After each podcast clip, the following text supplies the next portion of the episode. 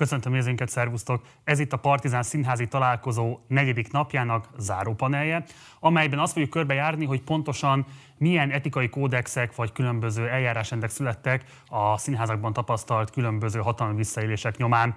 A panelben vendégeink lesznek majd Deres Kornélia, Rihai Kovács Zita, Rudolf Péter, illetve Gyénémet Erzsébet is. Mielőtt azonban a panelbe belekezdenénk, készítettünk egy összeállítást arról, hogy pontosan hogyan is nézett ki a MeToo mozgalom, hogyan jelent meg a világporondon, és milyen folyamányai voltak ennek a magyar nyilvánosságban. Tóth Jakab kollégám darálója következik, utána pedig folytatjuk a panellel. Abózus.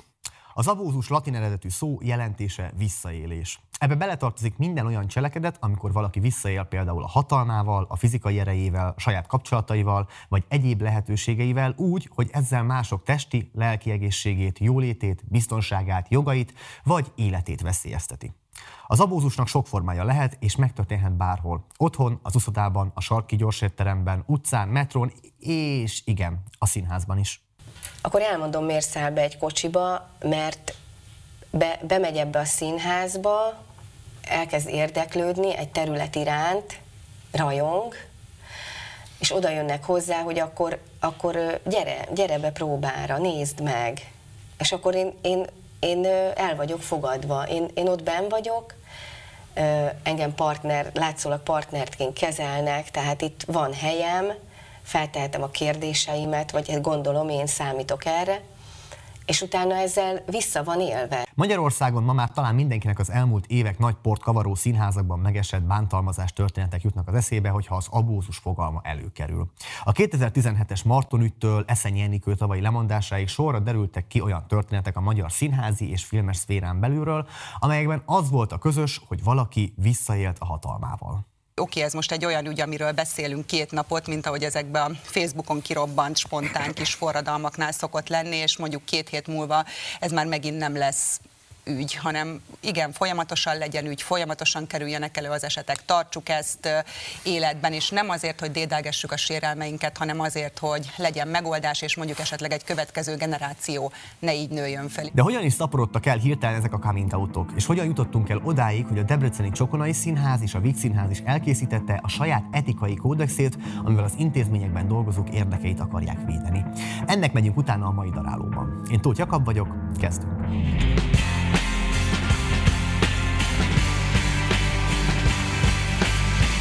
Áldozatok és az elkövetők ismerősen csengő nevei mellett Jodie Cantor és Megan Tui nevei talán keveseknek mondanak valamit. Pedig ez a két oknyomozó újságíró volt, aki Rose McGavin, visszavonult amerikai színésznő egy Twitter posztjára felfigyelve kutatni kezdtek egy a posztban név nélkül említett hollywoodi producer után, akit a színésznő szexuális szaklatással vádolt. Többen azon a véleményen voltak a rejtélyes producer kilétét illetően, hogy nem másról, mint a Miramax filmkészítő és forgalmazó cég egyik tulajdonosáról, Harvey Weinsteinről van szó. Before we begin, I just want to congratulate Harvey and his wife Georgina on the birth of their new baby boy. Thank you. Harvey gave us just what we needed another hymn. Finally, I'd like to thank Harvey Weinstein, um, the Punisher, that's his nickname. The Punisher, yes.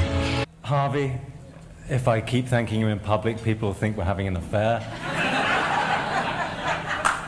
But uh, nonetheless, if you're uh, choosing sides in the playground before a scrap, I would like to have Harvey Weinstein and Graham King on my side. Harvey Weinstein, Bob Weinstein, God bless them. A két újságíró nő nyomozni kezdett, aminek végül a gyanú beigazolódása lett az eredménye. A meg annyi összegyűjtött történetből kiderült, hogy Harvey Weinstein több évtizeden keresztül a befolyását kihasználva molesztált fiatal nőket, sőt előfordult, hogy néhányukat masszázsra és orális szexre kényszerítette.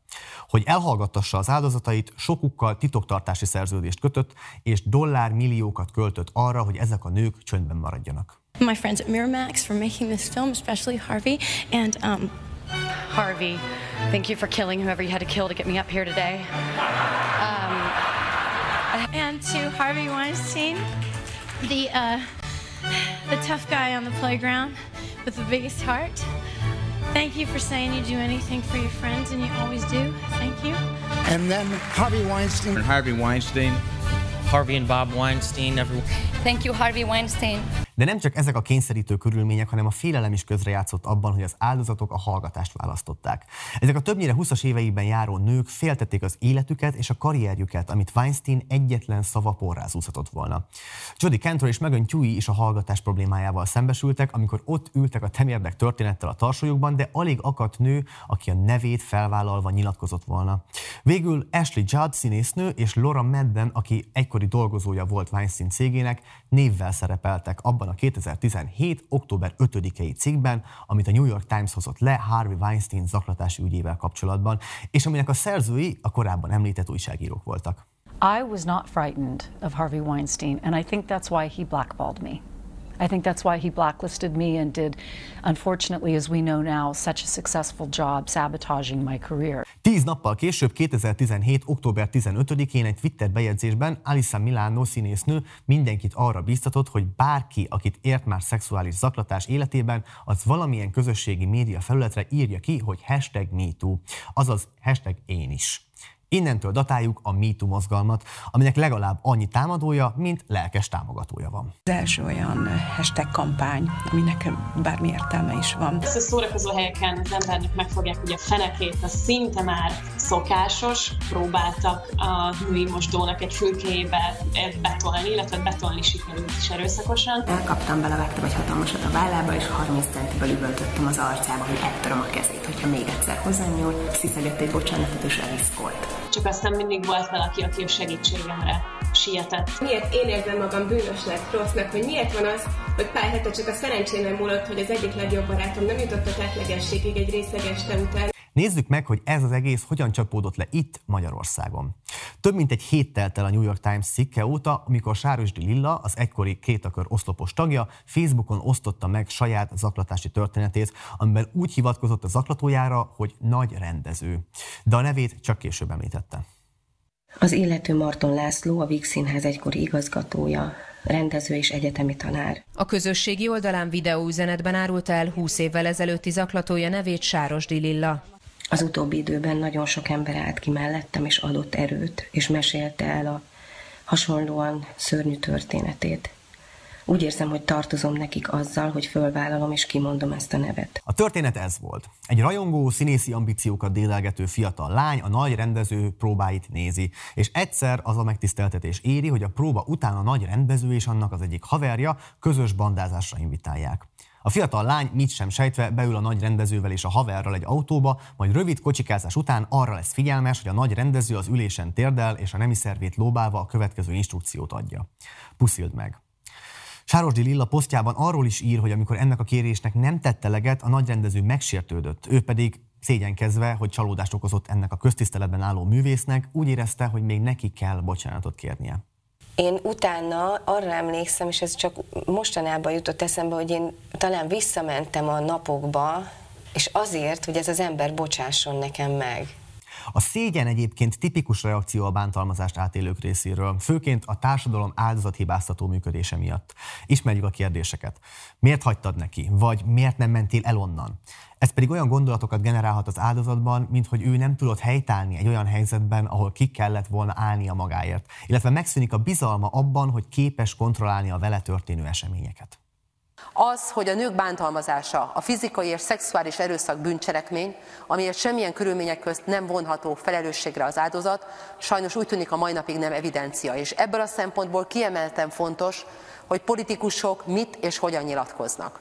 Elsősorban ez a szégyenérzet és bűntudat volt az oka annak, hogy sem azok a nők, akik Weinstein visszaéléseinek áldozatai voltak, sem pedig a magyarországi esetek elszenvedői sokáig nem mertek a nyilvánosság elé állni a történeteikkel. Nem véletlen, hogy Sárosdi Lila is először csak nagy rendezőként hivatkozott a bántalmazójára, és csak később nevezte meg az elkövetőt, aki nem volt más, mint a Víg akkori főrendezője, egykori igazgatója, és az SFE akkori osztályvezető tanára, Marton László. Ebből a három történetből az derült ki, hogy ez egy, ez egy bevált taktika lehetett? Kérdőjellel a végén. Lehetett. 18 éves fiatal lányok érdeklődnek a színházi világ, behívja őket egy nagy tiszteletben álló rendező, ha ez mind így történt, akkor ez nem egy egyszeri megbotlottam, megtévedtem, nem? Nem. Sárosdi ezzel a vallomással ugyanolyan lavinát indított el itthon, mint a New York Times-ban megjelent cikk szerte a világon. Egyre több nő és férfi osztott meg bántalmazásokról szóló történeteket, amelyeket a legtöbb esetben egy hatalmi pozíciót betöltő ember követett el velük szemben érzelmileg vagy egyéb módon kiszolgáltatottakkal. Nem sokkal ezután Kerényi Miklós Gáborról, az Operett Színház akkori művészeti vezetőjéről is kiderült, hogy többször molesztált fiatal fiúkat és erőszakosan lépett fel velük szemben. Először mind a ketten tagadták a vádakat, majd egy homályos bocsánatkérés után tisztségeiktől megfosztva visszavonultak egy időre. Egyikük ügyesen került bíróság elé. Előadásaik műsoron maradtak, így az egzisztenciájuk nem került ténylegesen veszélybe. Plakátok hirdetik a Veszprémi Színház premierjét. A korábban szexuális zaklatással megvádolt Marton László két darabot is rendez itt. A helyi közönséget megosztja a rendező visszatérése. Nem tudom, azért ez eléggé felháborította a, a közvéleményt, én úgy gondolom. Habár az ilyen esetekkel szembeni hiányos igazságszolgáltatás és a társadalom részéről érkező változó reakciók megmutatták, hogy Magyarország még gyermekcipőben járt akkor az aklatási ügyek kezelését illetően, de az vitathatatlan, hogy egyre többen merték megosztani a történetüket a nyilvánossággal, teret adva ezzel a társadalmi diskurzusnak és a megoldások közös keresésének.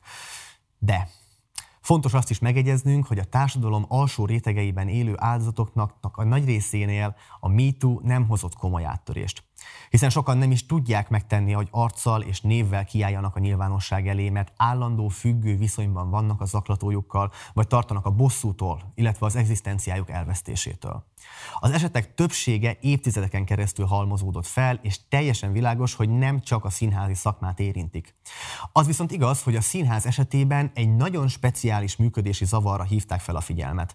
Maga Kerényi Miklós Gábor is bocsánatkérése lábjegyzetében arra hivatkozott, hogy mindent a művészi érzékenység és a teljes belefeledkezés mérhetetlen művészi szabadságvágy okán tett ami pontosan azt a közhiedelmet erősíti, ami egy színházi alkotó folyamatot övez.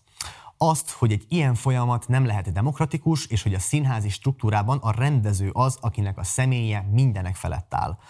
Projcs Lilla, színikritikus a következőket írta erről a mércében megjelent cikkében. Egy hierarchizált színházi munkahelyzetben normatívnak számít, ha az alárendelt személyek negatív módon motiváltak. Korlátozva vannak, és nem érzik magukat biztonságban. A bizonytalanságban tartás lényegi eleme ennek a szituációnak. Ezzel szemben a felettük hatalmat gyakorlóknak megkérdőjelezhetetlen kiváltságaik vannak, amelyekről az a közvélekedés, hogy a munka eredményessége érdekében van így. Igazgatóként 17 éve dolgoztam ebben a színházban, és az igazgató tulajdonképpen olyan, mint egy apa. Erről ugyanúgy nyilatkozhat fiatal, mint ahogy a Lehoczki Zsuzsa vagy az Oszford. De az apa nem feltétlenül kell, hogy az, a apa, az apa lehet kemény, lehet kedves, lehet szigorú, lehet zsarnok, van mindig más. Te melyik vagy? Én azt gondolom ebben a történetben, hogy én egy nagyon sokszínű apa voltam. Amikor ezek az esetek kiderültek, a szakmában dolgozóknak nem volt mihez nyúlni, ugyanis nem volt olyan dokumentum vagy platform, amik ezeknek az ügyeknek a kezelésére kapaszkodót nyújthatott volna. Ezért a Független Előadó Művészeti Szövetség pont a MeToo indulásának első évfordulóján elindított egy kampányt Minek ment oda néven, annak érdekében, hogy a bántalmazást elszenvedőknek ne csak a nyilvánosság bevonása legyen az egyetlen eszközük arra, hogy a történetüket kommunikálni tudják.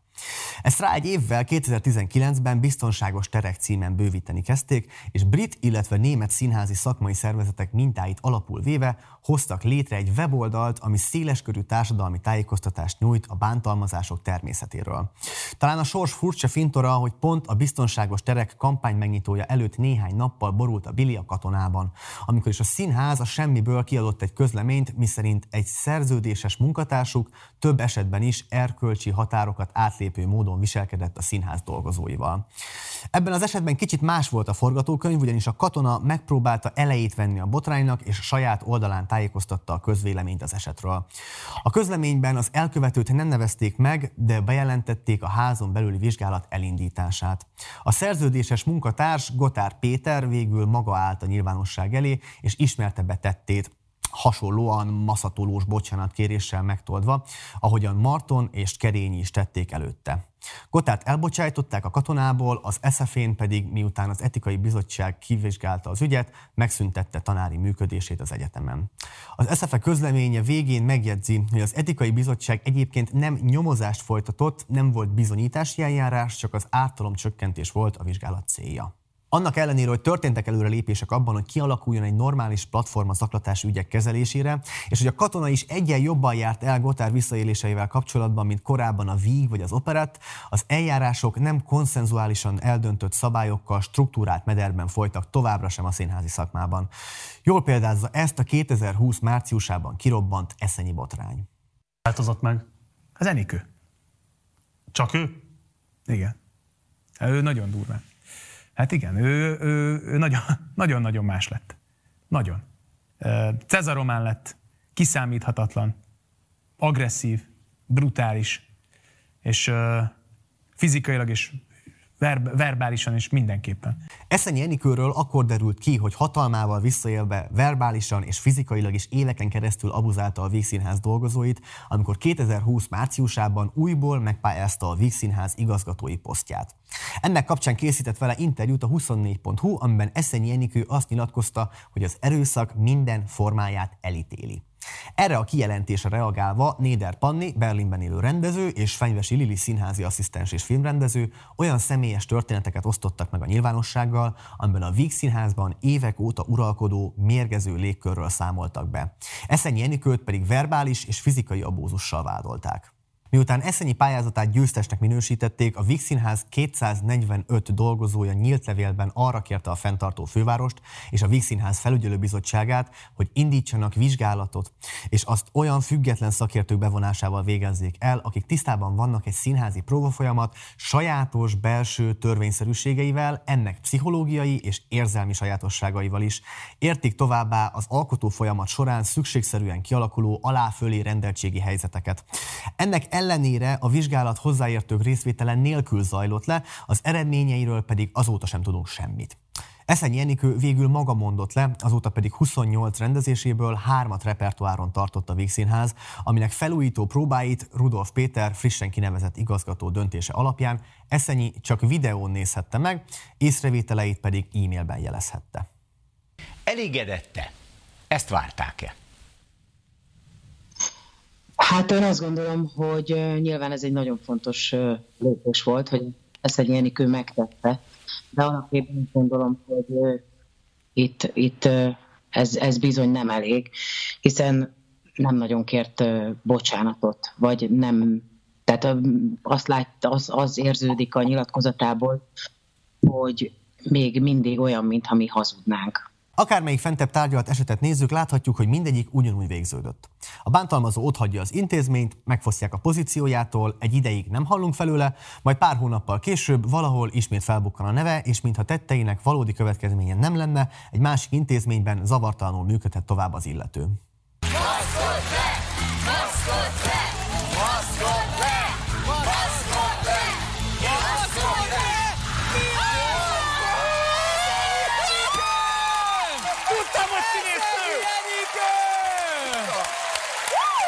Szerencsére nem kellett sokat várni, amíg újabb törekvések eredményeképpen egy évvel Eszenyi Enikő kényszerül lemondása után a Víg Színház és a Debreceni Csokonai Színház is kiadta a saját etikai kódexét, ami végre egy olyan írásos dokumentum, ami tiszta és átlátható keretrendszert biztosít az intézményekben dolgozóknak. A kódexről megjelent közlemény szerint a dokumentum definiálja és meghatározza az etikus viselkedés szabályrendszerét, illetve pontos iránymutatásul szolgál arra is, hogy hogyan kell lefolytatni egy etikai vizsgálatot, hogyha valaki bejelentéssel él. A kódex biztosítja azt is, hogy a sértettek megfelelő fórumokon tudjanak segítséget kapni. Gemza Péter, a Debreceni Csokonai Színház igazgatója, a Magyar Színházi Társaság beszélgetés sorozatában elmondta, hogy azért hozták létre a saját etikai kódexüket, mert a felelős és jogkövető magatartást tartják a siker zálogának, hasonlóan Rudolf Péterhez, aki pedig reménykedik abban, hogy az elmúlt években kialakult kép a színházi szakmáról pozitív irányba változik majd. Mi ezt úgy fogalmaztuk meg magunknak, hogy, hogy a művészetért dolgozunk, de védjük az emberi méltóságot. Tehát szerintem ez, ez a határ, ami, amit meg lehetne húzni ebben a dologban, az pont az a dolog, ahol az emberi méltóságot sértő dolgok történnek. Az elmúlt évek eseményeit nézve mindenképpen fontos előrelépések történtek a zaklatási ügyek kezelését illetően, és csak remélni lehet, hogy a Víg Színház és Debrecen példáját egyre többen követik majd. A színházak honlapjain részletesen is elolvashatóak az etikai kódexek. Ez volt már a Partizán Paszt hetének egyik darálója, nem sokára találkozunk, addig is ciao.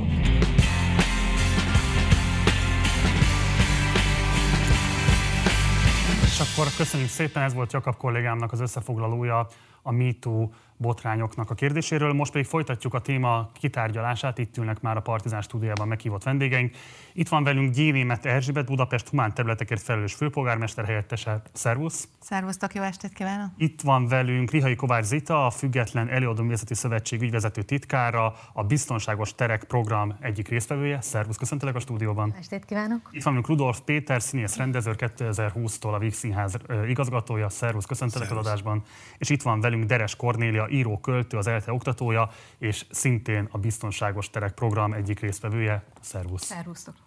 Um, elsőként Zita hozzád fordulok. Neked volt egy interjúd a színház.net-en, ahol így fogalmaztál, Általános nemzetközi trend az, hogy szabályozni kellene, mármint azt, hogy milyen módon lehet viszonyulni egymáshoz egy professzionális munkakörnyezetben. Az egyik ilyen ismert anyag az isztambuli egyezmény, a másik az úgynevezett ILO, amit 2019. júniusában elfogadott munkai zaklatás elleni egyezménye. Egyben az aláíró tagállamok vállalják, hogy külön jogi szabályozást léptetnek életbe, mármint arra vonatkozóan, hogy hogyan lehet elejét venni az ilyesfajta visszaéléseknek. Ezek a gyakorlatok mennyire terjedtek el nemzetközi szinten, és hogyan látod ennek a beszivárgását a magyar szintére? Ugye a Darálóban volt már szó a Víg Színház, illetve a Debreceni példáról. Milyen más példákról tudsz esetleg, amelyek előkészítés alatt állnak? Amikkel mi, mi dolgoztunk, amikor elkezdtük a, a saját kódexjavaslatunkat és eljárásrendünket elkészíteni, azok leginkább a külföldi tengeren túli egyetemeknek az etikai kódexei voltak. Az a tapasztalatom, hogy ők járnak elől, és hát néztünk színházi oldalakat is.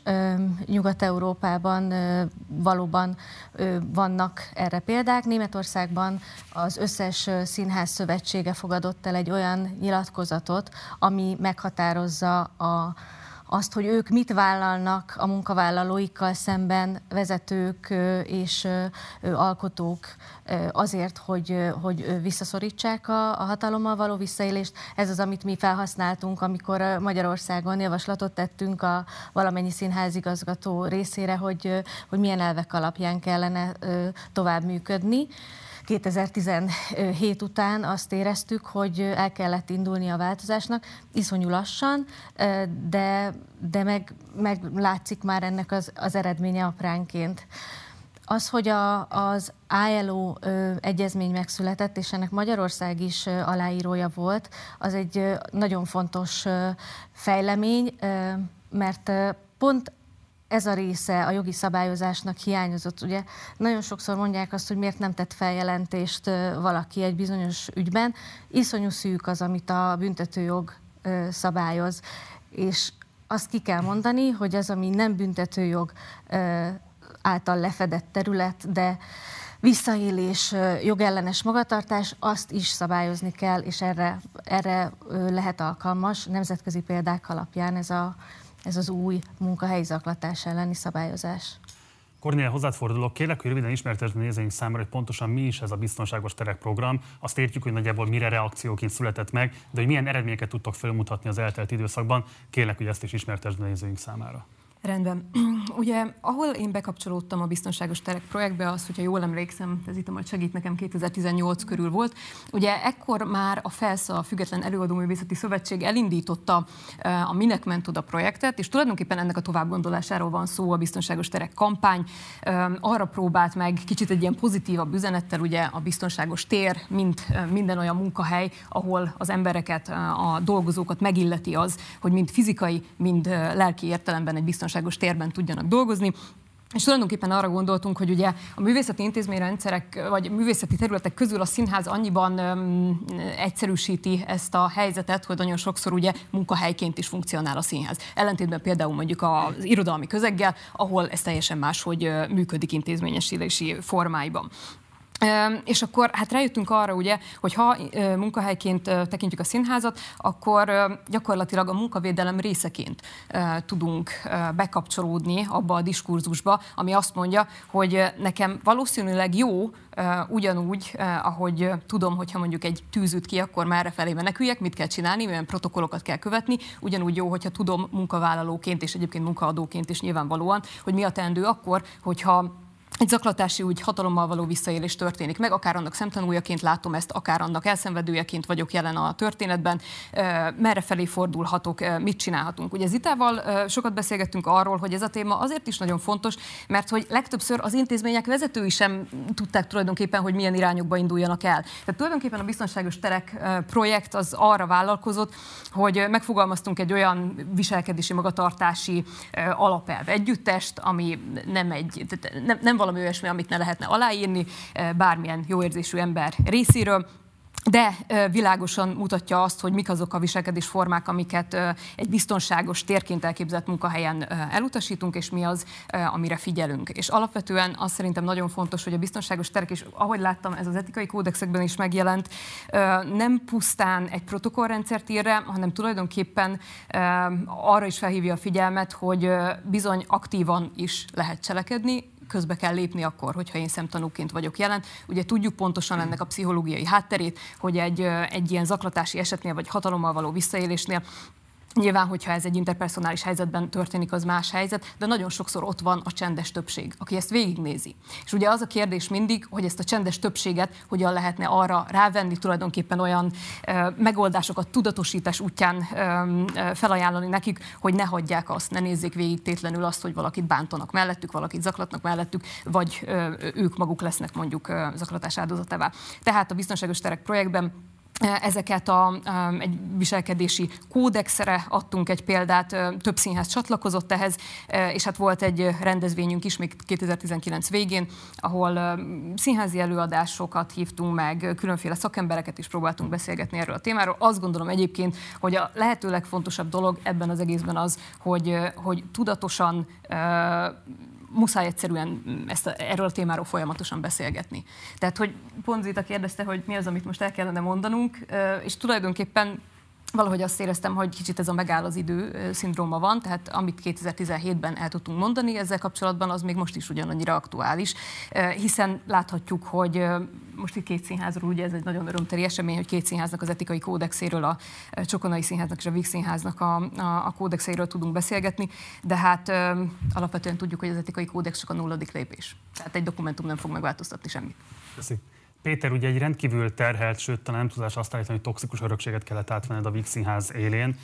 Um, mennyiben lehetett kezelni azt a feszültséget, hogy egyrésztről nyilvánvalóan kellett mutatni a nagy érdemű felé is azt, hogy komolyan veszitek ezeket a vádakat, komolyan veszitek ezeket a visszaéléseket, és szeretnétek változtatni rajta, de közben meg tényleg egy olyan kódexet kidolgozni, amely olyan eljárásrendeket tartalmaz, amely nem teszi lehetetlen a színházi működés, de közben mégis biztosítja azt az adekvát védelmet a dolgozóknak, akik hát szenvedtek elég erőteljesen ennek a hiányától a korábbi vezetés alatt. Hogyan tudtatok ezzel megbirkózni? Nem, nem értek egyet azzal, hogy, a, hogy ez a nulladik pont, mert azt gondolom, hogy önmagában a kódex létrejötte, és az eljárási rend létrejötte is, tisztáz bizonyos dolgokat fejekben. Én nem mondom attól, hogy hirtelen indulatból valaki egyszer csak önkontroll a kódexre gondol, de, és ez egy nagyon hosszú folyamat, amíg, amíg mindannyiunkat átjár az a tény, hogy nekünk igenis fegyelmezetnek kell lenni. Mert a színházban ugye ez a legnehezebb kérdés, hogy egy ilyen fűtött helyzetben mi az a pont, és a kérdésben szerintem nagyon örültem, hogy a kérdésben megfogalmaztad, hogy, hogy hol van az a pont, ami, ami bédelmet biztosít, mindkét fél részéről egyébként, erre majd külön ki szeretnék térni, és ugyanakkor nem teszi lehetetlenné a, a működést. Tehát közben nem, nem lehet, hogy, hogy egy folyamatos önkontrollal dolgoz, félve, hogy belefutsz valamibe. Tehát mégse lehet azt mondani, ne haragudj, ha megtennéd, hogy magadnak egy picit, de tényleg egy centit félre ne érts, bocsáss meg, arrébb mennél, mondja a rendező, hogy így nem lehet működni. Tehát, hogy ennek a fűtött közegnek hol ez iszonyatos komplikált, és a kódexben is ezt próbáltuk lemodellezni, és nagyon sokat támaszkodtunk a biztonságos terekre, bevontam a szakszervezetet, művészeti tanácsot, tehát hogy mit tettünk, vagy hogyan próbáltam ezt megoldani. Arra az leg, legfontosabb a fejemben az volt, hogy széles körben fogalmazzuk meg, és gondoljuk át, hogy ezzel mit lehet kezdeni. Az eljárási rend nagyon fontos. Van nélkül ez nem működik. Nekem ez a legnagyobb tanulság ebben. Tehát az etikai kódex mellé, ha nem teszünk le egy, egy ritmust, hogy ez hogyan zajlódik, hogy az ártatlanság vélelme az egyik oldalon, amit én nagyon fontosnak tartom, és, és ezt ne felejtsük el, hogy két, két pontja van ennek a történetnek. Van a, a bántalmazott, és közben tudjuk jól, hogy ezzel vissza is lehet élni. Nyilván ez a kisebb probléma, és most a világot éppen rendbe kell tenni, de arra is figyelnem kellett, hogy mindenki védje le ebben a helyzetben.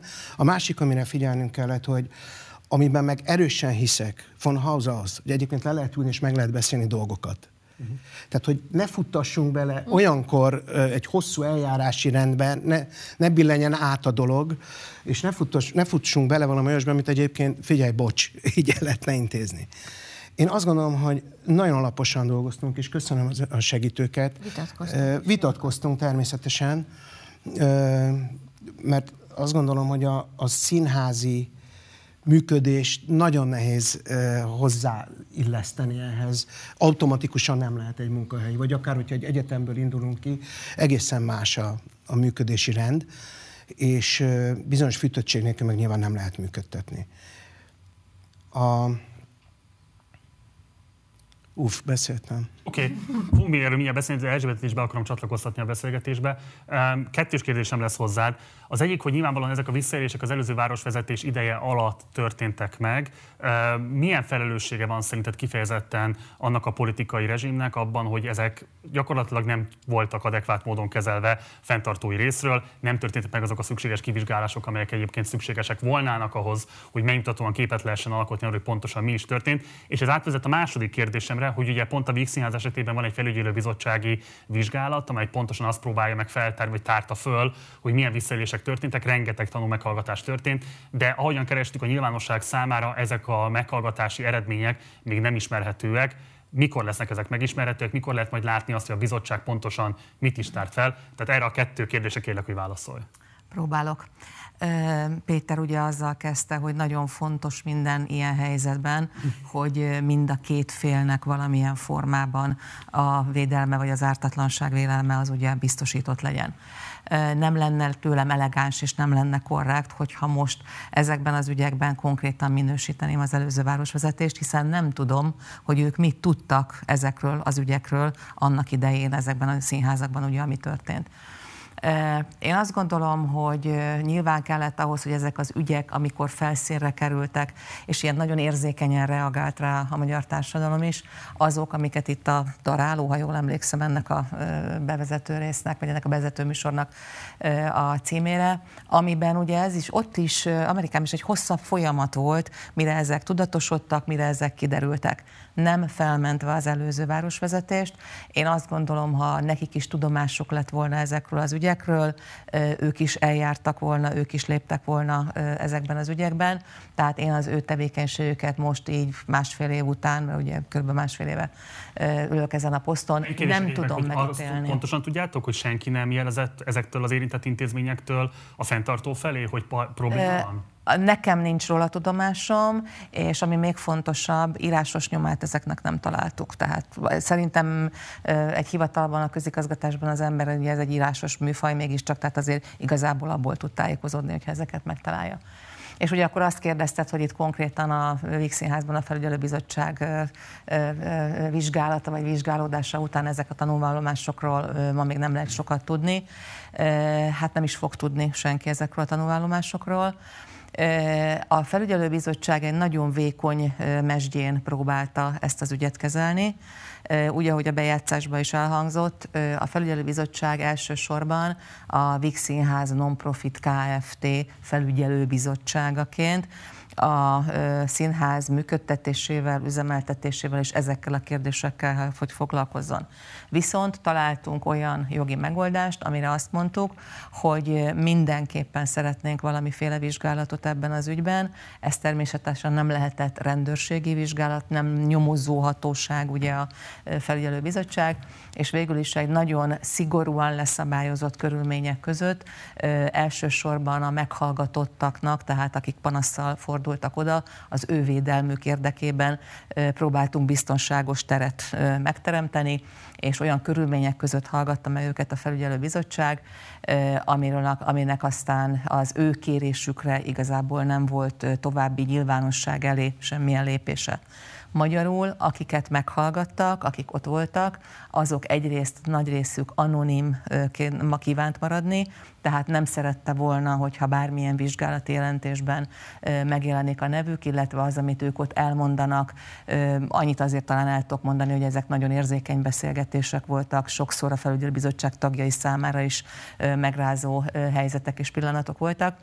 Tehát nem szerették volna, hogyha ez nyilvánosságra kerül, illetve maga a felügyelőbizottság sem gondolta úgy a végén, hogy ezekből bármit is a nyilvánosságra kéne hozni.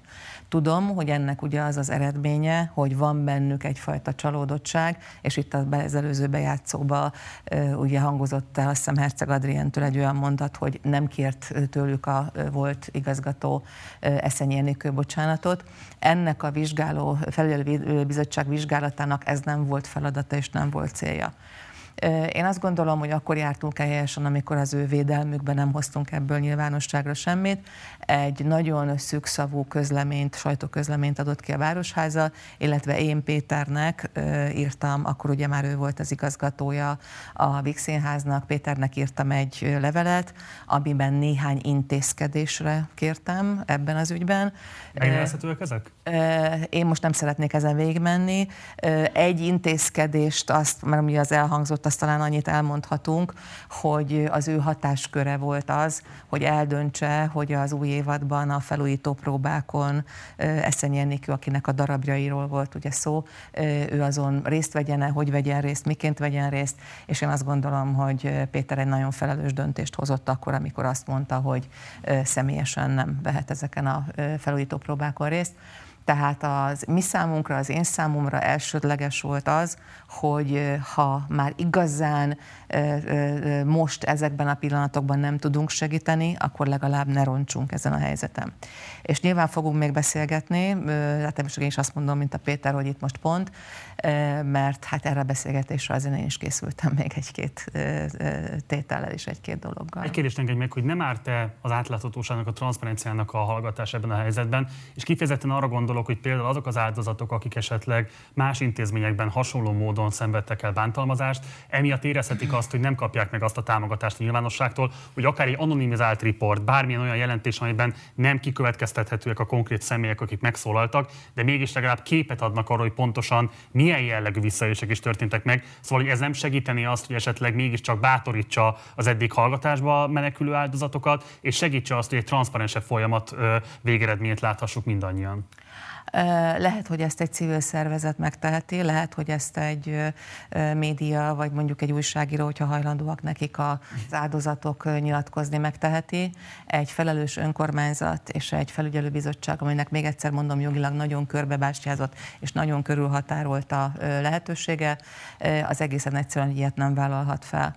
Tehát én azt hiszem, hogyha egy olyan légkört tudunk teremteni, amiben nagyon sok segítséggel, nagyon sok szakmai munkával, etikai kódexel, eljárásrendel, stb. stb.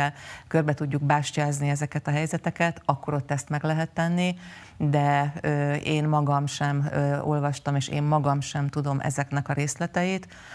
Nyilván az a három ember, aki előtt nagyon őszintén, és még egyszer mondom, megrázó pillanatokat átélve mondták el azok, akik odafordultak a felügyelőbizottsághoz ezeket a helyzeteket.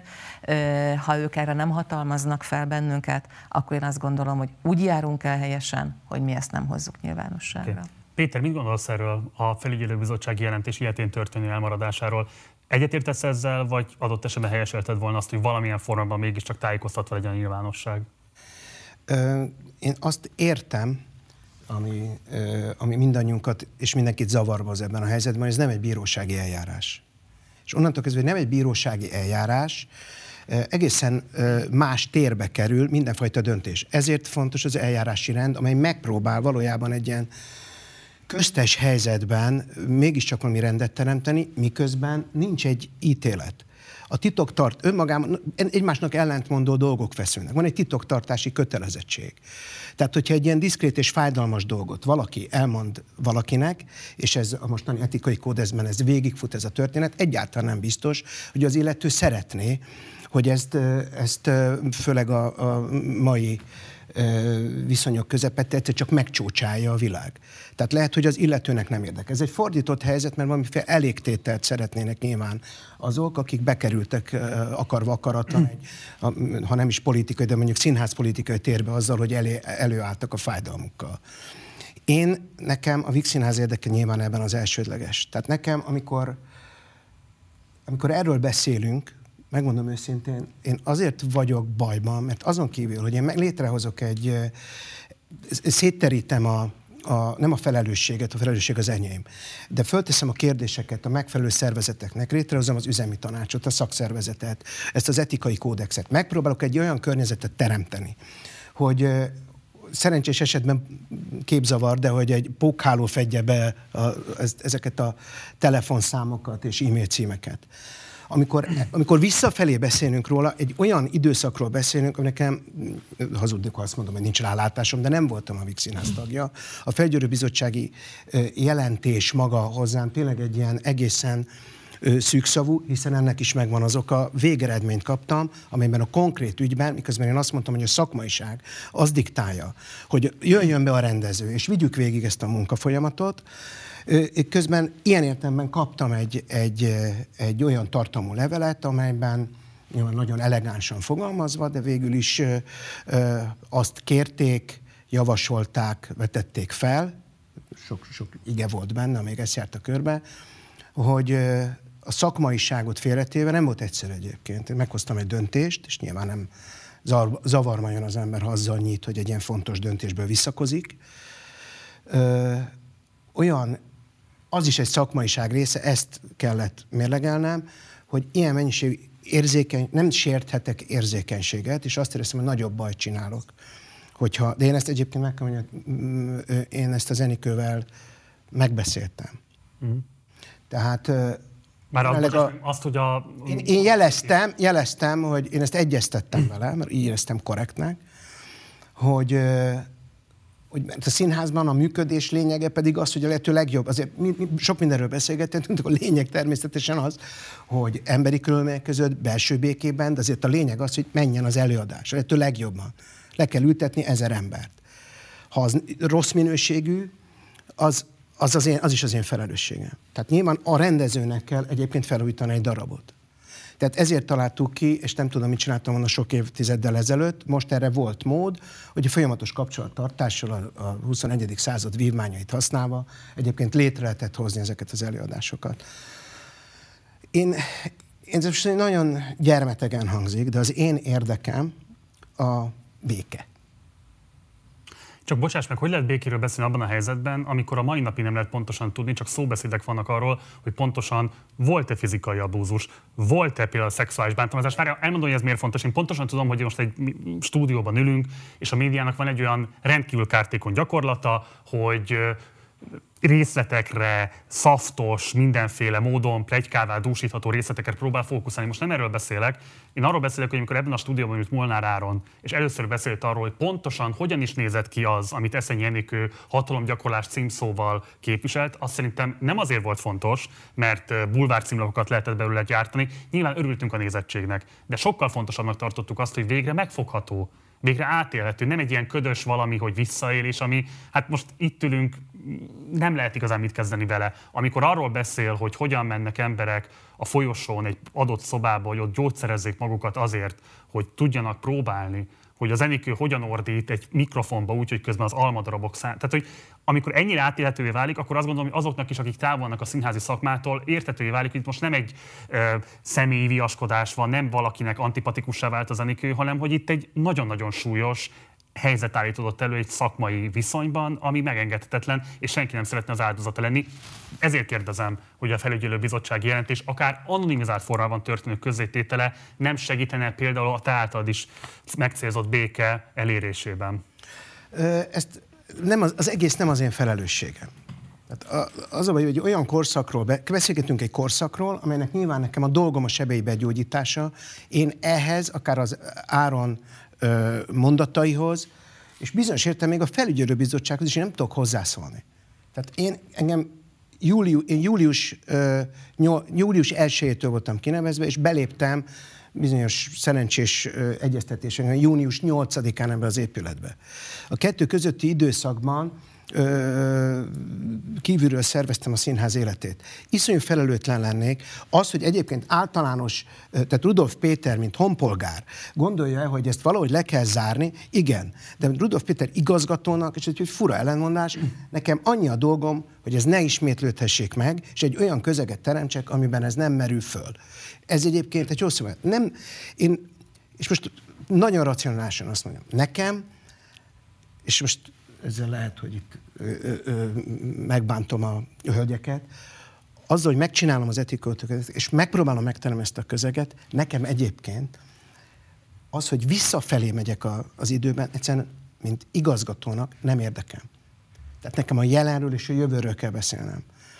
És, De bocsáss meg, azok a kollégák, akik elszenvedték ezeket a bántalmazásokat, és adott esetben jelenleg is társulati tagok, vagy dolgoznak a színháznak, az ő jólétük érdekében nem volna fontos valami fajta reparatív gesztus? Igen, csak nem az én illetékességem. Okay, rendben, oké. Okay. Én azt gondolom, hogy de, de, igen. És meg kell hallgatni nyilván az Enikőt is. Tehát az ő meghallgatása nem tudom, megtörtént-e. Tehát én, én azt gondolom, hogy hogy én nem tudok mást, ennél többet nem nagyon tudok tenni. Megértettem, oké. Okay. Ez itt a nagyon rásznak. Nagyon sok mindenre akar meg. reagálni, igen. Egyfelől igen, az igazgatónak az a dolga, hogy a kereteket megteremtse és garantálja, hogy az a szabályrendszer, ami kialakult, működik. Azzal is egyetértek, hogy nem lehet a, a vallomásokat nyilvánosságra hozni. Amivel nem értek egyet, hogy az érintettek nem tudják, hogy mit állapított meg a jelentés. Az, hogy volt hatalommal visszaélés, az miben nyilvánult meg. És igen, azért nagyon fontos az, hogy tudja a nyilvánosság, a kollégák a, az abúzusok jellegét, mert ab, azzal tudja tudatosítani, hogy ha vele is ez történik, az nem természetes dolog, nem normális dolog, lehet szólni és ezzel lehet nem csak a színházi szakmát, a színházban dolgozókat, fiatalokat és idősebbeket edukálni, hanem, hanem a szélesebb társadalmat is, és ebben van a színháznak egy olyan felelőssége, hogy, hogy ráfigyelnek. Úgyhogy én, én azt nagyon fontosnak tartanám, hogy tudjanak az érintettek, akik elmondták bizalommal a felügyelő bizottságnak a saját történetüket, valaki mondja el nekük, hogy megállapítottuk, hogy, hogy az, ami veled történt, az visszaélés. És ez nem történt meg. És addig, amíg ezt nem közli velük valaki, hanem az, az, az történik, amit, ami, amiről tájékoztatott a, a fővárosi önkormányzat minket is, hogy igazgató úrnak intéz, intézkedési tervet ajánlottak. Borzit, hogy jól értem, te egyetértesz az, hogy nem feltétlenül kellene a nyilvánosságot tájékoztatni, de hogy legalább az érintetteknek valami fajta visszajelzést. Én, egy, én egyfajta összefoglalót gondolok, tehát nem a, a tanúvallomásokat vagy vallomásokat ö, ö, hoznám nyilvánosságra, semmiképpen nem, de magukat, akár az esetleírásokat, akár a, az összefoglalását, hogy miért mit szeg meg azzal a vezető, amikor ezt a fajta ö, verbális abúzust ö, ö, ilyen irányítási eszközként használja. És igen, nagyon fontos az, nem tudjuk, hogy Eszenyi Enikőt meghallgatták-e, az ugyanúgy része az eljárásban, hogy az, aki úgy hívjuk, hogy a panasszal érintett személy, ő, ő is be legyen vonva, ő is elmondhassa az ő érveit. Tehát amíg ez sincs meg, addig ez az eljárás nincs lezárva. Okay. Kornél hamarosan becsatlakoztatok, de szeretném, hogyha Gyéli be tudna reagálni az itt által felvetettekre. Igen, azzal kezdtem, hogy ugye nagyon vékony mesdjén járt a felügyelőbizottság ebből a szempontból, és mivel nem nyomozó hatóság a felügyelőbizottság, ezért nem ugyanazok a szabályok, vagy nem azok a szabályok vonatkoznak rá egyébként bármilyen más ügyben sem. Ha itt az érintettek közül bárki tett volna ebben az ügyben rendőrségi vagy bármilyen fel, feljelentést vagy megkeresést, akkor azt gondolom, hogy ma sokkal előrébb tartanánk abból a szempontból, hogy a nyomozó hatóságnak van felelőssége és lehetősége azokat a kérdéseket tisztázni, amiket itt a Zita felvetett. Tehát mi mindvégig próbáltunk egyrészt nagyon figyelni azokra, akik eljöttek a felügyelőbizottság elé, megtették ezeket a bejelentéseket, hogy itt semmilyen sérülés már utána ne legyen, illetve volt egy olyan pont, amikor a felügyelőbizottság is úgy látta, hogy az ő kompetenciája addig terjed, ő tovább ezen az úton már nem tud menni. Ezért aztán általánosságokat vontuk le. Az a felügyelőbizottságnak sem volt a feladata, és pláne nem a fővárosi önkormányzatnak, hogy azt mondja, hogy kérem szépen, ebben az ügyben történt mondjuk hatalommal visszaélés, vagy történt ebben az ügyben akármilyen abúzus, mert nem ez volt a feladata. Egy Ráadás, büntetőfeljelentés történt esetleg, tehát tudott, jutott-e tudomására a felügyelőbizottságának, felügyelőbizottságnak olyan eset, ami miatt fordultatok a hatóságokhoz, vagy fordultak ők Mi nem fordultunk, és a felügyelőbizottság sem. Ez persze nem azt jelenti, hogy ha bármelyik érintett fordult volna, akkor ott azokban az ügyekben elrendelt volna, vagy nem rendelt volna el a rendőrség nyomozást. Péter, és akkor utána Kornélia. De Kornél, hogyha udvariatlanul Nem, én majd csak fogok beszélni, nyugodtan. Jó, akkor viszont megpróbálok betűnömkedni. Tehát ugye az etikai kódex létrejöttén volt, volt már egy beszélgetés, aztán én végig is néztem. Az egyik gyenge pontja, hogy a, az igazgató és a gazdasági igazgató nem része ennek a, az eljárásnak. Nem is lehet, és ezt fontos elmondanom, mert saját magam fölött nem gyakorolhatok munkáltatói jogokat. Ez nagyon egyszerű és átlátható dolog. Jelenleg a Víg Színház helyzetében az én munkáltatóm a minisztérium, és egy kicsit komplikáltabb rendszer, nyilván a főváros is érintett a Víg Színház életében, de most nem érdemes belebonyolódni. Én amikor elkészültünk az etikai kódexel, én egyáltalán nem örültem, hogy én nem vagyok része. Tehát jelenleg, ha velem van egy probléma, vagy a gazdasági igazgatóval, akkor ugyanúgy a felügyelőbizottsághoz utat be a, a velem kapcsolatos észrevétel, ahol ugyanakkor nem szakemberek ülnek, nem feltétlenül jogász, nem feltétlenül pszichológus, és nem feltétlenül színházi ember. Tehát az etikai kódexünk eljárási rendjének az egyik legfontosabb eleme, hogy pszichológus, jogász, és annak az adott területnek egy, egy egy szakértője, egy színházi ember az, aki alkotja az etikai bizottságot. Tehát én ezért írtam akkor, amikor mi ezt, mivel ezzel elkészültünk, én ezért írtam egy levelet, amiben azt kérem, és ez lenne a megoldás egyébként, hogy egy ugyanezzel a logikával, nyilván nem feltétlenül mondom én gőgösen, hogy a Vix Színházival, de akár mondhatom gőgösen, hogy szerintem elég alaposan körbejárt, tehát érdemes rá legalábbis támaszkodni, kell a, a vezetőkkel kapcsolatban a mi főnökeinknek, vagy a mi munkáltatónknak kialakítani egy hasonló rendszert, és a kettőnek nyilván ö, észszerű viszonyban kell lenni egymással. Okay, De akkor nem, most akkor most kell megszólalnom, jó? Igen. Tehát igen, mert én készültem erre a mai beszélgetésre. Ja, rövidet szeretném, utána Kornélának meg szeretném adni a szót. Jó, rövid leszek. Én elhoztam a budapesti etikai kartát és annak az eljárásrendjét, ami jelen pillanatban munkaanyag, azért nem mutatom meg és nem hagyom itt, ami a fővárosi önkormányzat összes tulajdonában lévő vagy irányítása alatt álló intézmény, cég, színház, idős otthon, BKV, tehát mindenkire vonatkozó általános érvényű budapesti etikai karta.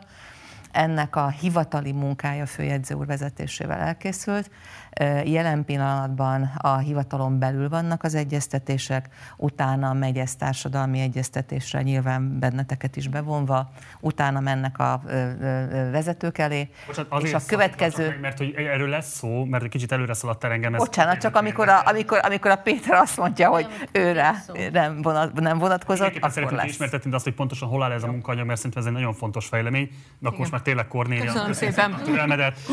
Mindent elmondok, amire eddig gondoltam. Szóval szeretnék oda visszautalni, amit a Péter mondott, hogy ugye ez nem nulladik lépés. Elmondom, hogy miért gondolom ezt. Azért látnunk kell azt, hogy jelen pillanatban ugye eltelt az első MeToo ügy után négy év, kettő színházat tudunk mondani, akiknél van kész etikai kódex. Egyébként más, és el, eljárásrend. Én azt gondolom, hogy pont az eljárásrend miatt lehet nulladik lépésnek nevezni az etikai kódex létrejöttét, hiszen az majd a gyakorlatban derül ki, hogy ez az etikai kódex mennyire tud hasznossá válni. Kell-e rajta változtatni, az adott eljárásrend megfelelően. Ugye láttam, és ezt te is mondtad, hogy, hogy a Vix Színházban ez a bizottság tulajdonképpen, aki eljár, van benne jogásztag, van benne pszichológustag, színházi szakembertag. Ez is nagyon fontos, ugye, és itt azért oda kapcsolódnék, hogy, hogy nyilván az intézmény vezetők, én értem, hogy miért van ez a zavar, meg értem, hogy, hogy, hogy hol vannak a határok ebben, viszont hogy, hogy az, azt gondolom, hogy az intézményeknek a felelőssége, az intézmény vezetés felelőssége, hogy, hogy egy olyan bizottságot hozzon létre, amelyik tényleg szakértően tud eljárni. Tehát tudja mondjuk, hogy egy zaklatásnak, traumának a pszichológiai háttere hogyan működik, mi a jogi lehetőség. Tehát azt gondolom, hogy ez egy nagyon fontos pont. Látjuk azt is szerintem, hogy ha a forrásokról beszélünk, az etikai kódexnek a megírása, összeállítása valószínűleg nem a legforrásigényesebb része ennek a történetnek. Kell sok beszélgetés, kell sok megfontolás, de hogy igazából ennek a bizottságnak a működése az, amelyik forrásigényes. Itt ez egy kérdés nekem, hogy a színházaktól ugye elvárható-e az, vagy persze én azt gondolom, hogy elvárható lenne, de közben értem, hogy van egy adott büdzsé, amiből dolgoznak, hogy mondjuk erre elkülöníteni egy, egy adott anyagi forrást, hogy egy ilyen bizottság tudjon működni. Nyilván lesznek olyan helyek, ahol esetleg egyáltalán nem lesz szükség arra tulajdonképpen, hogy az etikai kódexet kipróbálják, nincsenek problémák, nincsenek visszaélések. És azt is tudjuk, hogy lesznek olyan helyek, ahol meg, ahol meg esetleg nagyon is szükséges, és esetleg sorozatos elkövetésekre derül fény.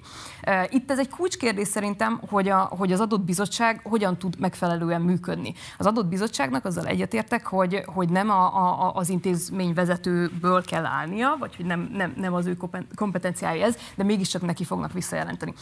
Itt a Víg Színház ö, ö, kapcsán én azért azt egy kicsit aggasztónak gondolom, hogy, hogy tulajdonképpen azok az emberek, akik ö, ilyen-olyan fórumon ö, a saját történeteiket elmesélték, és azok egyértelműen ugye hatalommal visszaélésnek a történetei, nem kaptak semmifajta visszajelzést ezzel kapcsolatban, illetve azt sem tudom, hogy pontosan tőlük ö, kikér majd bocsánatot. Ez egy nagy kérdés. A másik kérdés az az, hogy vajon fenntartói szinten megállapítható lenne valami olyan keret, ami ehhez hasonló etikai bizottságoknak a működését tudná támogatni. És akkor azt mondanák, hogy minden intézménynek ugye van egy külön kerete, és ebből tulajdonképpen ezt a, hát ezt a biztonságos térnek a, a, a a létrejöttét lehet támogatni, de nyilvánvalóan ez nem színház függő, nyilvánvalóan ez minden egyes munkahelynél ugyanannyira elvárható lenne. Ami miatt még látjuk, azok pont a külföldi példák, hogy miért nulladik lépés az etikai kódex. Beszéltünk itt a Német Színházi Szövetségnek az elkészített etikai kódexéről, ugye még 2017-ben. Hát azért az kiderült, és ez többek között egyébként Simon Hatala Boglárkának a színháznetes írásából is világosan látszik, ahol ő ismertet egy német kutatást, ahol körülbelül 2000 német színházi területen dolgozó munkavállalót kérdeztek meg, és hát abból azért az derült ki, hogy, hogy tulajdonképpen ezek a visszaélések elég ott vannak a szakmában. Ezek anonim kérdőívek voltak, de magasabb, mint 50%-ban válaszolták azt az emberek, hogy valamilyen módon átéltek hatalommal való visszaélést színházi területen. És az is kiderült ugye, hogy tulajdonképpen az etikai kódex ez egy nagyon szép első lépés, és azt gondolom, hogy egy fontos alapozás, de, de hát például nem szankcionál semmit. Tehát, hogy kérdés ugye, hogy... hogy... Hát, ugye Erzsébet is erről beszélt, hogy egyrészt a felügyelőbizottság nem nyomozóhatóság, és te is arról beszélsz, hogy egy ilyen etikai kódexhez nem lehet olyan hatóságot társítani, ami adott esetben szankcionálna. Igen. Hogy lehet feloldani ezt az ellentmondást? Hát azt gondolom, hogy tehát a Big Színháznak az etikai kódexében azért mondom, hogy ott ugye vannak, vannak erre nézve igen. pontos... Ezt akartam mondani, ez nem így van. Tehát... De nem, nem is a tietekről beszéltem, azt érted, hanem a Német Színházi Szövetségnek az etikai kódexéről, ami ugye egy nagyon engem is örömmel töltött el, amikor megláttam, de hát kiderült, hogy ott például a szankcióról egyáltalán nincs szó. Péter? Hát csak azt akartam mondani, nagyon egyszerű, mert utána egy, ennek egy munkáltatói következménye van. Körülbelül öt fázis, ha, ha jól emlékszem, a szóbeli figyelmeztetés, az összes árnya szóbeli figyelmeztetés, írásbeli figyelmeztetés, egészen az azonnali felmondásig. Tehát enyhén szólva szankcionálva van, tehát nem, nem, nincs ez elkenve A némethez nem tudok hozzászólni. Ezért mondom, hogy nem a tétekről beszéltem, hanem a németről beszéltem. A másik dolog, amit még akartam mondani, hogy, hogy azért egy, az egy picit szerintem illuzórikus a magyar valóságból kiindulva, hogy akkor az ember feljelentést tesz a rendőrségen, és akkor az egy ilyen megnyugtató végkicsengése lesz, hiszen pontosan lehet azt tudni, hogy olyan zaklatási eseteknél is, ahol teljesen világos és bizonyítékokkal alátámasztott a, a, a történteknek a a, a valóság alapja, most sem történik semmi a legvégén. Tehát, hogy lehet, hogy valakire megállapítják, hát igen, ő zaklatta, határitlöpő módon viselkedett, és nem történik semmi. Tehát, hogy itt azért ez egy, ez egy nagyobb társadalmi rendszerbe illeszkedik, és ezt muszáj látnunk. És még azt akartam mondani, ugye, hogy, hogy az etikai kódexek olyan szempontból szintén nagyon fontosak, hogy a biztonságos tereknél azt szoktuk mondani, ugye, hogy a jogtudatosság, az edukáció, illetve hát ugye a, a protokollrendszernek a kidolgozása az, ami, ami kapaszkodót tud adni. Az nagyon jó, ugye, hogy a Vixinházas etikai kódexben konkrét esetek, példák is szerepelnek, amiből ugye a, a, a munkavállalók ráismerhetnek tulajdonképpen az adott szituációkra. Viszont ugye azt is láthatjuk, hogy, hogy hát hogyha még ez sincs meg, tehát azoknál az intézményeknél, ami nem ez a két színház, amiről most beszéltünk, hogy ott nekem azért ez egy kérdés, vagy egy probléma, hogy mennyire van akkor komolyan gondolva az, hogy, hogy ezeket az eseteket kezelni kell. Mert ugye látjuk, hogy kettő felé nyílik, az egyik, hogy tabusítsuk, nálunk ilyen sosem történt, sosem fog történni, a másik pedig az, hogy valamilyen módon kezelni, ami rengeteg beszélgetés, rengeteg problémát, rengeteg elakadást uh, is jelent, de hát azt hiszem, hogy ez teljesen természetes. Uh, és hogyha egy intézmény nem mondja azt, hogy, hogy legalább uh, ezt a nulladik lépést megteszem, uh, hogy összeállítok egy viselkedési kódexet eljárásrendel, és majd meglátjuk, hogy ez, hogy ez a gyakorlatban hogyan működik, kell-e ott még valamennyire belenyúlni, vagy nem akkor ugye az a, az a puszta szerencse, hogy az ember mondjuk otthonról hozzá egy olyan önvédelmi skill készletet, amiből azt fogja tudni mondani, hogy te velem így nem beszélsz, te velem így nem bánhatsz. Hiszen ugye, hogyha a közoktatás mondjuk ezt felvállalná, tehát óvodától kezdve a testhatárok, én határok védelméről lennének oktatóanyagok, ténylegesen valami fajta edukáció megtörténne már ezekben a, a köznevelési helyszíneken, akkor, akkor azt lehetne mondani, hogy hát akkor van valami alap, van valami közös alap, amire tudunk építeni. De így tulajdonképpen az a puszta szerencsének a kérdése, hogy, hogy az ember egy ilyen szituációban, amire nem készül fel, és nyilván nem úgy megy el a munkahelyére, hogy ott majd valami éles szituációban meg kell magát védeni, azt tudja elmondani, hogy nem. Oké. Okay. Zita, kérlek reagálj rá, és aztán majd Erzsébet szeretném Igen, az, a lépésekről nulladik első lépés megvan a kódexünk, és akkor most jön a következő, hogy erről mindenkinek tudnia kell.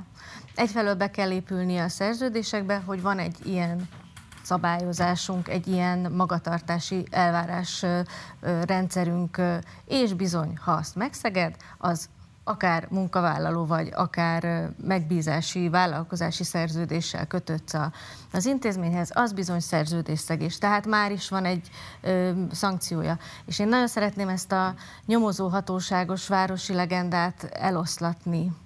Ö, ez nem egy új dolog. A, a közférában a fegyelmi jogkör ezer évig volt.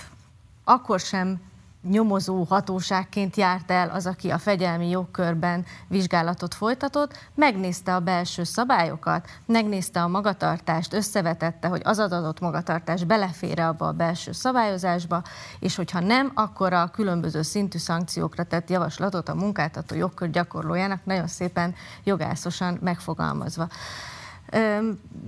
nem, ne, tehát nem, nem érdekes az, hogy tettek-e feljelentést. A, a feljelentésnek az lett volna valószínűleg a következménye, hogy, hogy nem mert hogy nem, nem tudom, hogy mi lett volna a következménye, de előfordul, hogy az a következménye, hogy azt mondják, hogy bűncselekmény nem történt. Ez nem azt jelenti, hogy nem történt olyan magatartás, ami nem felel meg egy munkahely, munkahelyi követelményrendszernek, nem jelenti azt, hogy nem szekte meg az a személy akár a munkatörvénykönyvét, akár a munkáltató nem szekte meg a munkáltatói kötelezettségét azzal, hogy nem biztosította ezek, ezt a biztonságos munkakörnyezetet a munkavállaló számára, tehát attól, hogy nem büntetőjogi a következmény, attól még kell lennie. És igen, lehet ez egy munkajogi következmény, azonnali hatályú felmond, felmondás, felmentés, és lehet akár egy olyan etikai következmény, hogy például azt, aki etikai visszaélést követel, akkor egy olyan fajta kurzusra, képzésre küldjük el, amelyik ezt az ő meg nem lévő készségét fejleszti. Vagy azt mondjuk, hogy nem lehetsz vezető, mert nem vagy alkalmas arra, hogy embereket irányíts. Tehát nagyon sok lehetőség van a között, hogy, hogy bűncselekmény, meg a között, hogy nem történt semmi. Igen, bocsáss meg, még egy, egy fél mondatot most ide muszáj mondanom, hogy ö, etikai kódexekről beszélünk, és ugye azért azt ki kell mondanunk, hogy az etikai kódex jó esetben egy közösségnek, szakmai közösségnek ö, a, a közös értékrendszerét tükrözi. Na most itt is ugye ez egy fontos kérdés, és ezért mondom, hogy valójában ez mindig a gyakorlatba fog eldőlni, hogy, ö, hogy, ö, hogy ez a közösség mennyire tud részt venni például az etikai mm. kódexeknek a megalkodásába. Ez felmerül egyébként akár egyetemi szinten is, ugye, hogy, hogy az oktatók és a hallgatók közösen hogyan tudnak valami fajta párbeszédből tulajdonképpen meghatározni azokat a fő pontokat, ami, ami azt az értékközösséget összefoglalja. Csak ennyit akartam. Erzsébet, forduljunk rá a fővárosi etikai kódex kérdésére, mert ugye ez messze túlmutat már a színházi szakmán, és ugye ez arról tanúskodik, hogy valamilyen módon a főváros ezt egy holisztikus, integrált rendszerben szeretné, hogy nem csak a művészeti intézményekben, hanem az összes általatok fenntartott intézményben is legyen valami fajta exakt elvárásrendszer, exakt eljárásrendszer, hogyha bármilyen visszaélés történne, akkor ott lehessen lépni. Ugye amikor Rudolf Péter bejelentette a nyilvánosság számára, hogy a Vixen rendelkezik egy ilyen etikai kódexel, te akkor jelentetted be, hogy a fővárosnak is van egy ilyen kódexe. Kérlek, hogy akkor röviden ismerted azt, hogy mikor lesz abból a munkaanyagból véglegesen elfogadott társadalmi vitán is átment kódex. Tehát amikor Péter bejelentette, hogy a Vígszínháznak van, én nem azt mondtam, hogy a fővárosnak is van, hanem hogy lesz. Uh-huh. Tehát azért ez elég nagy különbség. És még egyet szeretnék itt, nyilván arról nekem most nincs pontos információm, hogy a Katona József Színházban pontosan milyen mélységű az ottani etikai kódex, illetve az ottani eljárásrend, de ezt ne felejtsük, hogy nekik is volt ugye ilyen, és akkor, amikor a 2019 hát október novemberre tájékán ki az ottani ügy, akkor ott Máté Gáborék ez szerint az eljárásrend szerint ugyanazokon a szakmai stációkon mentek végig, amiket most Péterék is ugye ebbe az új etikai kódexbe és eljárásrendbe megírtak, vagy beletettek.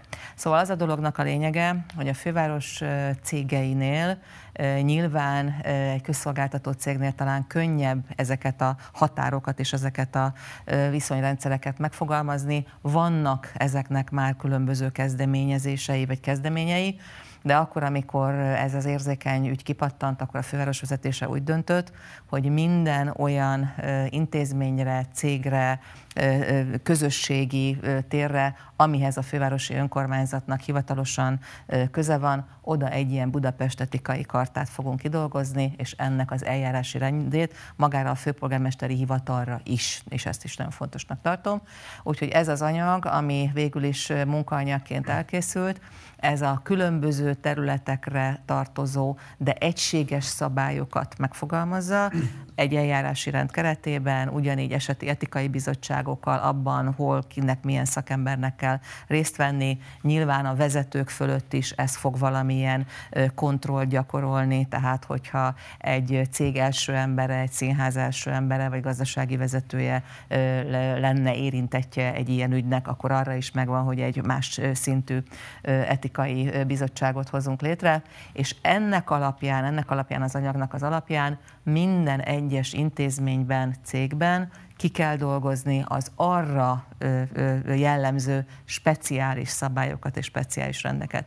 Nyilván más ez egy művészeti intézménybe, nyilván más ez egy idős otthonba, uh-huh. nyilván más ez mondjuk a BKK-nál vagy a vízműveknél, tehát az ezekre vonatkozó, és egyébként meg arra az adott gazdasági szervezetre vagy intézményre vonatkozó törvényi és ágazati megfelelő szabályokkal párhuzamba állítva, és azokra figyelemmel kell ezeket kidolgozni. Ez nem egy rövid munka, tehát itt ha bármennyire sürgetni az ember, azért erre még azt gondolom, hogy kell nekünk egy kis idő, és ami a legfontosabb, ezt a legvégén, ezt az anyagot, ezt az előterjesztést a fővárosi közgyűlés fogja jóvá hagyni, azt pedig, hogy mikor lesz megint fővárosi közgyűlés, azt szerintem itt ebbe a terembe vagy ebbe a stúdióba senki nem tudja. mert vita, hogy... Amit említettél, az mikor várható az?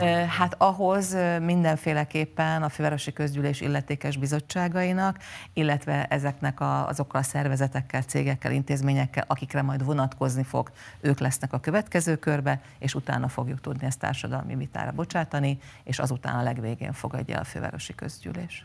Péter, te említetted, hogy a ti státuszotok vezetőké a Vígszínházban speciális, mert az Emberi Erőforrások Minisztérium a munkáltatótok. Amikor megjelent az etikai kódex, akkor volt a közlemények egy olyan része, hogy kezdeményeztétek, hogy valamilyen módon ezt az etikai kódexet rátok is érvényesítse a minisztérium. Hol tart most ez a kezdeményezésetek? Egyelőre ez nem, nem történt meg, de nyilvánvaló módon, amikor ez a, a, ezek, a tájék, ezek a tájékoztatók a,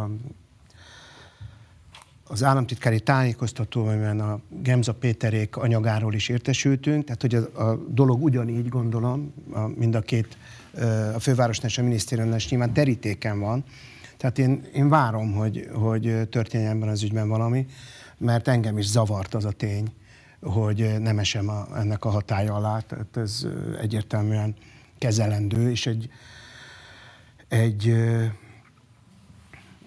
remélhetőleg nem karanténos időszakban erről nyilván együtt kell beszélgetni, mert én szeretném, hogyha ez elrendeződne, hiszen a fegyelő bizottság valóban nem, nem lesz, nincs fölvértezve arra, hogy ezt a dolgot kezelje. Ebből látszik egyébként, hogy ez így nem működik.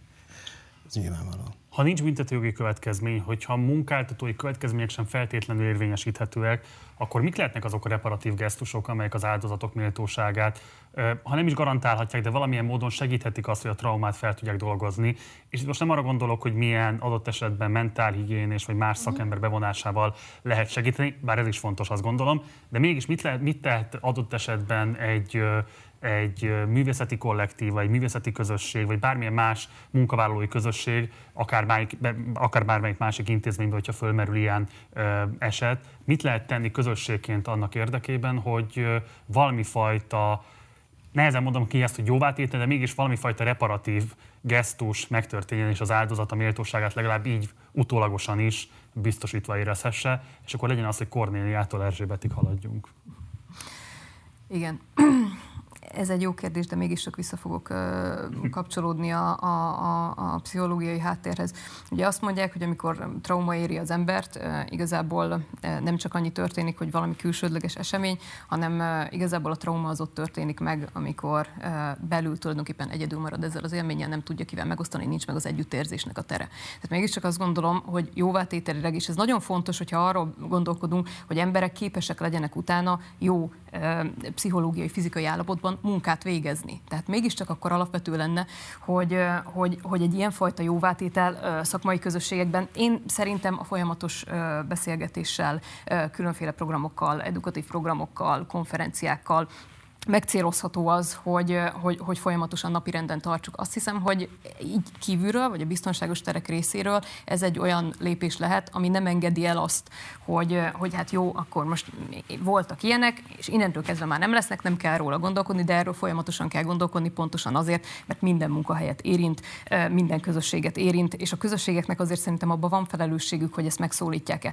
Hogyha a közösség tagjai egyesével felelősséget tudnak azért vállalni, és azért mondom, mindig felszokott merülni, ezt most csak azért mondom el, mert színház történeti kurzusokon, elméleti kurzusokon szoktam erről beszélgetni a hallgatóimmal, és ők felteszik ugye azt a kérdést vissza, térően, hogy na de a néző mit csináljon ilyen helyzetben, most akkor nem menjen be az ő előadásaira, hogyha tudja, hogy ő egy hatalommal való visszaélést követett el.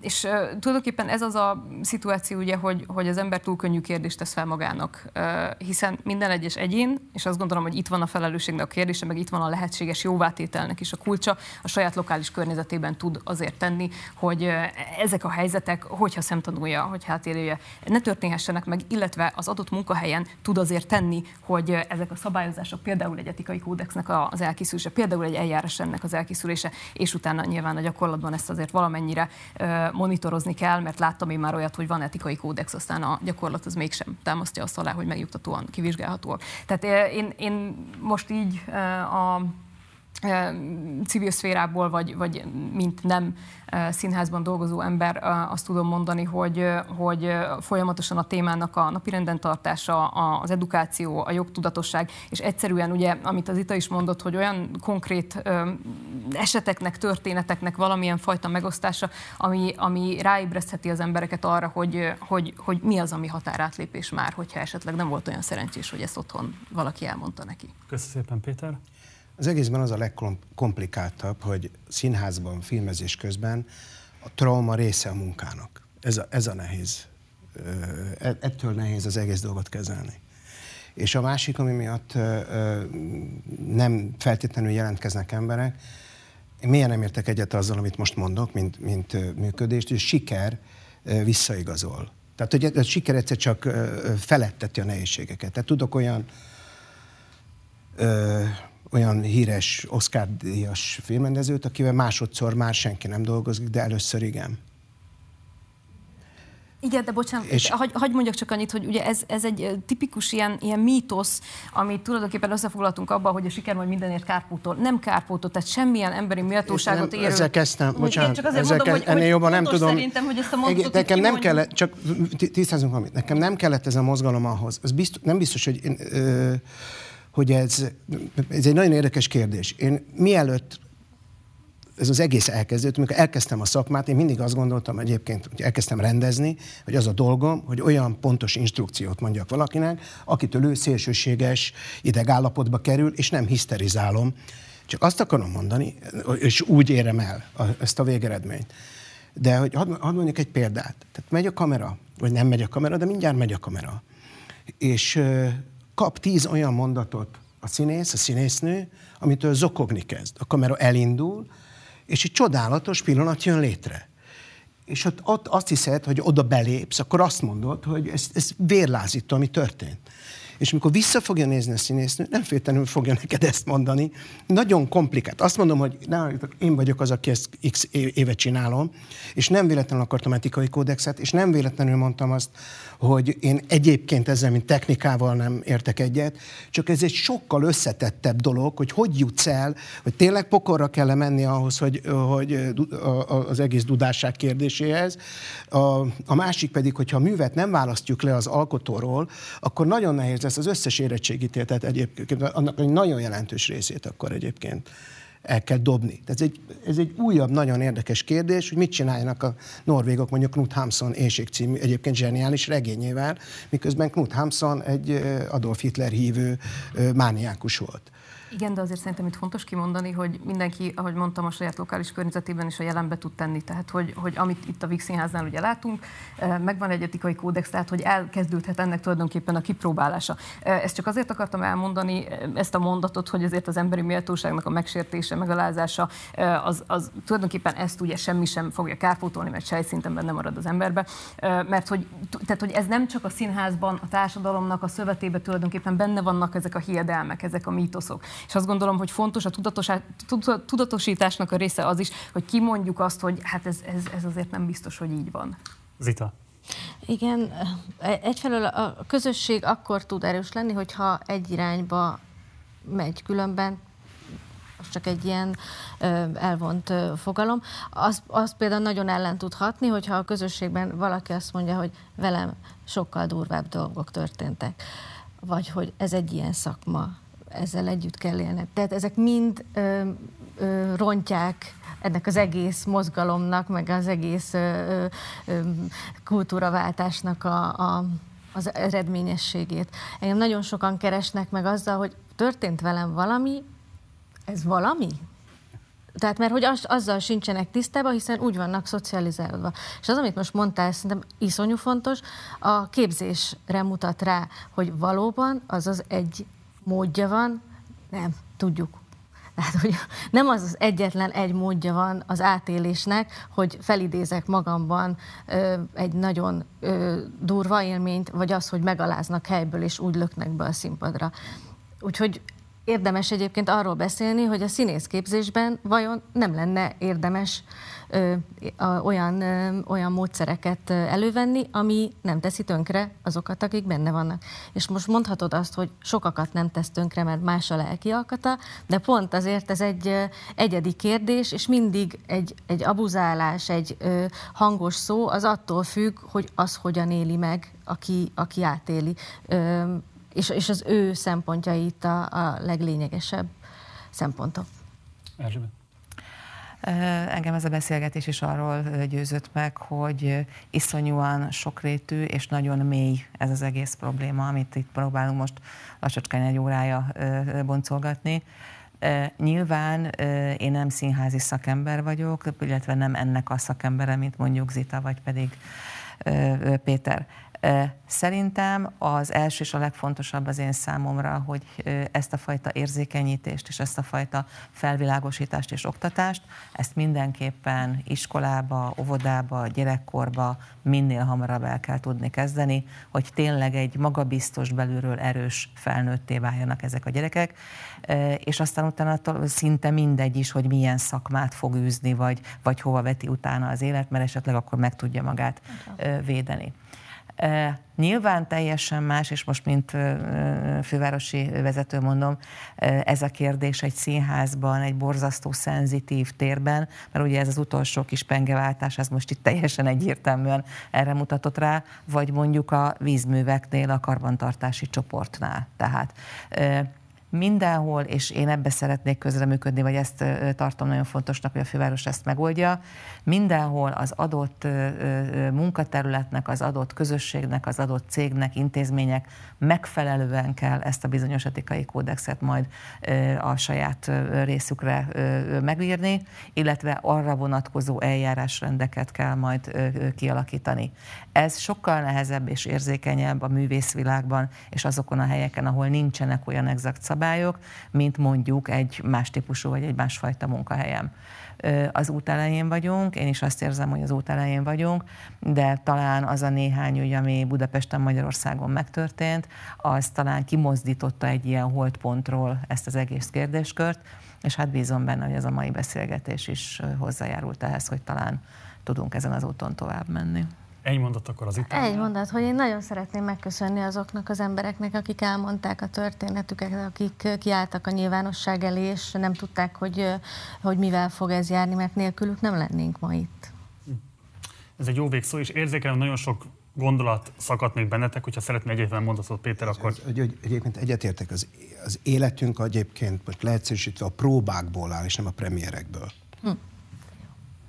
Tehát egyetértek, tehát a, én is azt gondolom, hogy létre kell hozni ilyen, ö, ilyen ö, közeget, csak közben próbálom mindig, mindig ugyan, ugyanezt is ezt képviselni, közben nagyon vigyáznunk kell, mert nem lehet közben önkontrollos.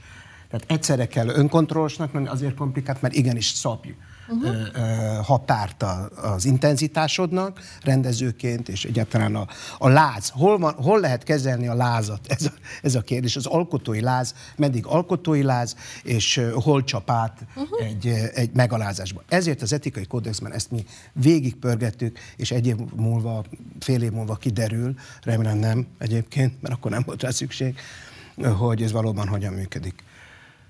Oké, okay. Kornélia, esetleg egy záró gondolat tőled is? Mm, tulajdonképpen ugye onnan indult a kör, hogy hogyan lehet jóvá tenni ezt az egészet.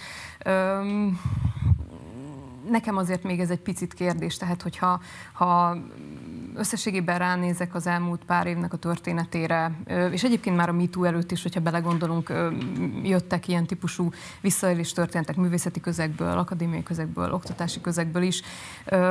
Nekem azért egy kérdés, hogy itt a, a szolidaritás az hogyan nyilvánul meg. Hogy a szolidaritás a nyilvánosság előtt ugye mondjuk az elkövető felé nyilvánul-e meg, vagy pedig az áldozatok felé. És azt gondolom, hogy ezért fontos, amit az itt mondott, hogy Igenis, hogy meg kell köszönni, hálásnak kell lenni mindazoknak, akik, akik elmondták a, a velük esett dolgokat. Nem gondolom, hogy ez nagyon könnyű lenne a világ bármely részén.